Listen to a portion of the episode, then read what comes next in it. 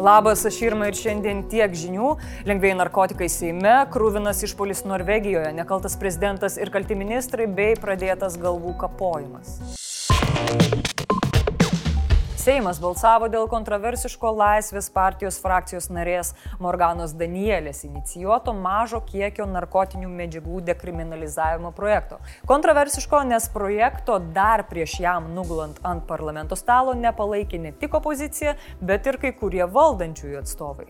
Nepaisant aršių diskusijų Seimo salėje, parlamentarai rado bendrą kalbą ir vienu žingsneliu prieartėjo prie baudžiako už kaseką panaikinimo. Projektui pritarta, kaip reikėjo tikėtis, daugiausiai Laisvės partijos, liberalų sąjūdžio balsais ir su stipriu konservatorių palaikymu.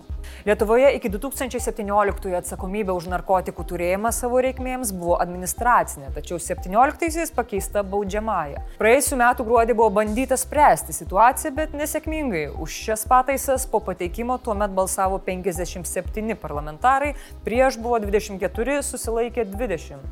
Tačiau dabar Viskas e, grįš į panašią tvarką, kaip kad turėjome iki 17 metų, tik šį kartą dar įtrauktume nukreipimą konsultuotis pas specialistus, jeigu žmogus yra sulaikomas antrą, trečią arba bet kurį kitą pakartotinį kartą. Dar prieš balsavimą Morgana Danielė buvo įsitikinusi, kad palaikymas dekriminalizavimui yra labai platus. Tevinės sąjungos lyderis sakė. Aš ketinu palaikyti. Iš to, kad esu didelė dalimi tikintas jų argumentų. Ingrida Šimonytė irgi žadėjo palaikyti. Buvęs sveikatos apsaugos ministras Aurelijus Veryga sakė tai. Jei nepalaikysiu ir manau, kad tas sprendimas, kuris yra dabar siūlomas, yra netinkamas. Dekriminalizavimo palaikytojai sako, kad baudžiamosios atsakomybės taikymas už mažą narkotikų kiekį savo naudojimui greuna jaunų žmonių gyvenimus ir yra neadekvatus. Ir kad žmonės reikia nebausti, o jiems padėti nevartoti. Tuo tarpu įstatymo priešininkai sako, kad dekriminalizavimas legalizavimas yra laiptelis link narkotikų legalizavimo. Bet to, kaip gali gydyti žmonės, kai nėra tam sukurtos sistemos. Jie tiki, kad prieimus Danielės pataisas narkotikų vartojimas auks. Seimo salėje vyrė aistringos diskusijos. Konservatorius Linas Lušnys kritikavo 17 įstatymą ir sakė. Apsigavome, nes niekas nepasikeitė. Jam antrino Gentvilas, primindamas statistiką. Kur baudžiamoji atsakomybė įvesta, didėja atvejų skaičius vartojimo. Kur nėra baudžiamojosios atsakomybės laipsniškai mažėja, taikant kitas priemonės.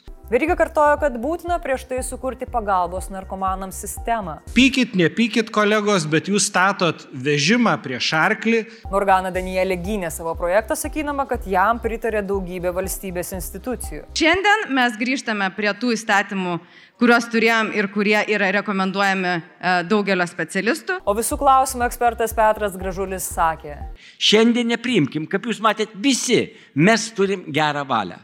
Ir pažiūrėkit, įsiklausykim į žmogaus, kur turi milžinišką patirtį. Algirdas Tonšaitis. Kokią patirtį, Petrai? Papasakok daugiau. Kadangi Seimas pritarė projektui, dėl jo prieimimo stadijoje dabar bus balsuojama dar kartą. Tai yra pirmasis pavykęs Laisvės partijos projektas, kurį jie žadėjo prieš rinkimus. O ar jūs patenkinti sprendimu, kaip jis paveiks jūsų gyvenimą? Parašykit komentaruose. Norvegija sukrėtė tragiškas įvykis. Lanku ginkluotas 37 Danijos pilietis Norvegijos Kongsbergo mieste nušovė penkis žmonės ir du sužeidė. Aukų amžius tarp 50 ir 70 metų. Abu sužeistieji gydomi ligoninės intensyviosios terapijos skyriuje. Ataka įvyko antradienį apie 18 val. vietos laiku. Įtariamasis, vaikščiodamas po miestą žmonės šaudė strėlėmis. Pasak policijos, keli asmenys buvo sužeisti parduotuvėse.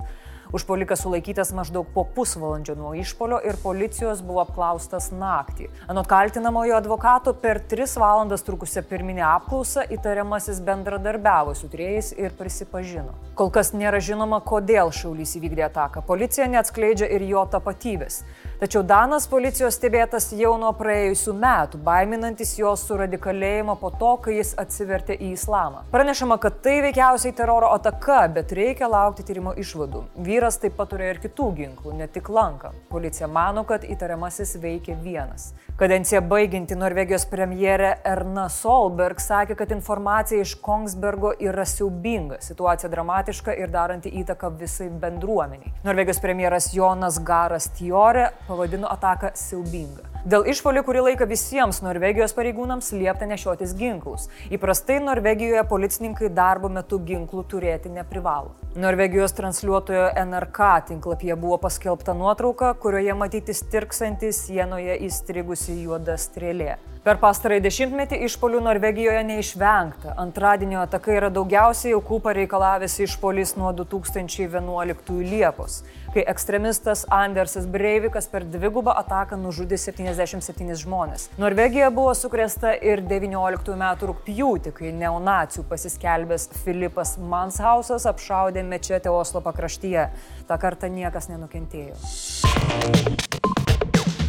Aplink vis daugiau COVID. -o. Per paskutinę parą susirgo net 2861 žmogus, mirė 28 ir vėl kopiam į susirgymo olimpą. Sergamumas 100 tūkstančių gyventojų per dvi savaitės jau perkopė tūkstantį, o teigiamų testų procentas jau viršė dešimtadalį. Nepajudavo tik keturios savivaldybės. Esame pirmi pagal užsikrėtimus ir treti pagal mirtis Europoje. Nepaisant to, Šimonytė sako, kad griežto karantino greičiausiai nebus. Bent jau tokio tokio, koks buvo įvestas per praėjusios žiemos šventes. Ji paskatino skiepytis, skiepytis ir dar kartą skiepytis. O jau pasiskiepiję atrodo tuoj sulauks trečiojo skiepo. Sveikatos apsaugos ministerija ruošiasi įteisinti revakcinaciją visiems pilnamečiams gyventojams. Tuo tarpu prezidentūra tvirtina, kad jau tikrai nemato jokios problemos, kad ponas prezidentas lankėsi kavinėje, kuri palaikė nesiskiepijančius ir protestą prie Seimo virtusi riaušėmis. Vyriausioji patarėja Irena Segalovičinė tvirtina, kad negalima atstumti ar reikiuoti žmonių pagal anksčiau jų dėstytas mintis. Jos teigimu tai pavojinga. Žinot, kas dar pavojinga? Koronavirusas, bet Tai dar ne viskas. Patarėja leidžia suprasti, jog tai, kad kavinės atstovai kurį laiką aršiai pasisakė prieš galimybių pasą, yra pateisinama. Mat vyriausybė svarstyti su šiuo dokumentu sieti ribojimai buvo drakoniški. Esą aišku, kad žmonės turės savo nuomonę. Jie taip pat pažymėjo, kad dėmesio susilaukusi kavinė per prezidento apsilankymą laikėsi visų numatytų taisyklių. O pačios restoranų darbuotojas net neslėpė, kad kavinėje netikrina galimybių pasų, nes čia laukiamas kiekvienas vienas virusas. O premjerė Ingrida Šimonytė mano, kad toks šalies vadovo apsilankimas gal ir nepakeitė jau nusprendusių pasiskiepyti žmonių nuomonės, tačiau sustiprino abejojančių vakcinos naudą įsitikinimus. Ji pripažįsta ir tai, kad ir ministrų kabinetas daro klaidų, juk mes visi esam žmonės ir darom tai, ką daro žmonės - klystam. Na, o jūs, mėly žiūrovai, irgi būkite žmonės ir nesilankykite vietose, kurios skatina nesiskiepyti. Arba šiaip kaip norit, aš tai nesilankau.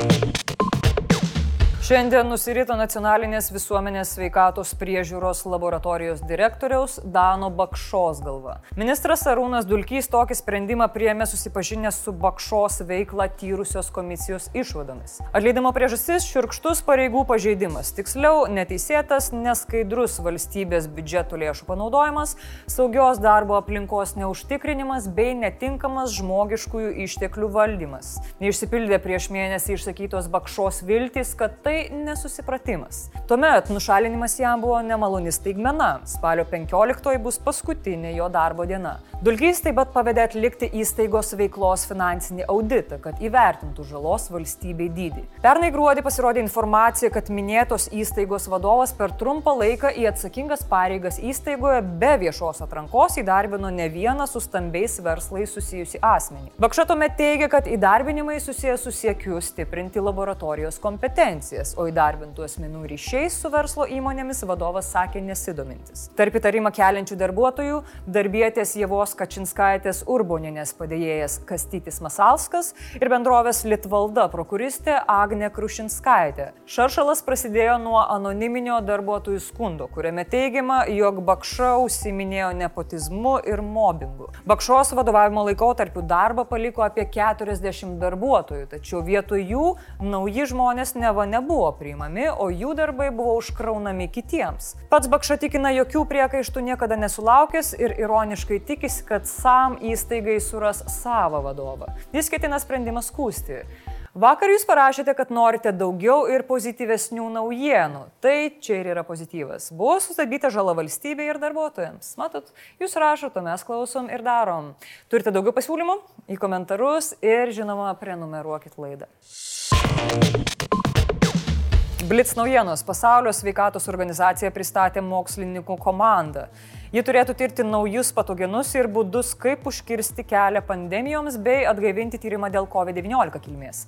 Be koronaviruso atsiranda naujų ir iškyla senų didelės rizikos patogenų. Taivano Gausiongo mieste per gaisrą daugiabučiame žuvo 46 žmonės, dar dešimtis sužeisti. 13 aukštų pastate labai smarkus gaisras kilo naktį ir sunaikino daugelį aukštų. Ugnigesiai nežino gaisro priežasties. Valstybės sienos apsaugos tarnybos vadovas Rustamas Liubajevas sako, kad nacionaliniai teisės aktai leidžia neįleisti migrantų, nepaisant to, kur šalyje jie yra sulaikyti. Tuo tarpu už migraciją atsakinga eurokomisarė pranešė, kad situacija pasienyje kelia didelį nerimą ir į neįlinį susitikimą kviečia Lietuvos, Latvijos ir Lenkijos ambasadorius ES. Beirute per šitų judėjimo Hezbollah ir Amal organizuotą mitingą buvo nušauti penki ir sužeista dar 20 žmonių. Per protestą buvo reikalaujama atleisti pagrindinį didžiulio sprogimo Libano sostinėje tyrėją.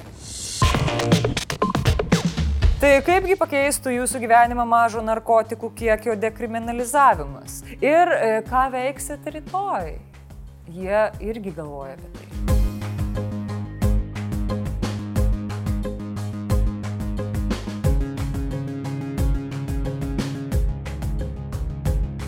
Ačiū, kad žiūrėjote. Daugiau žinių sekmadienį laidoje tiek pinigų. O ryto penktadienis, o dabar aš sakau iki.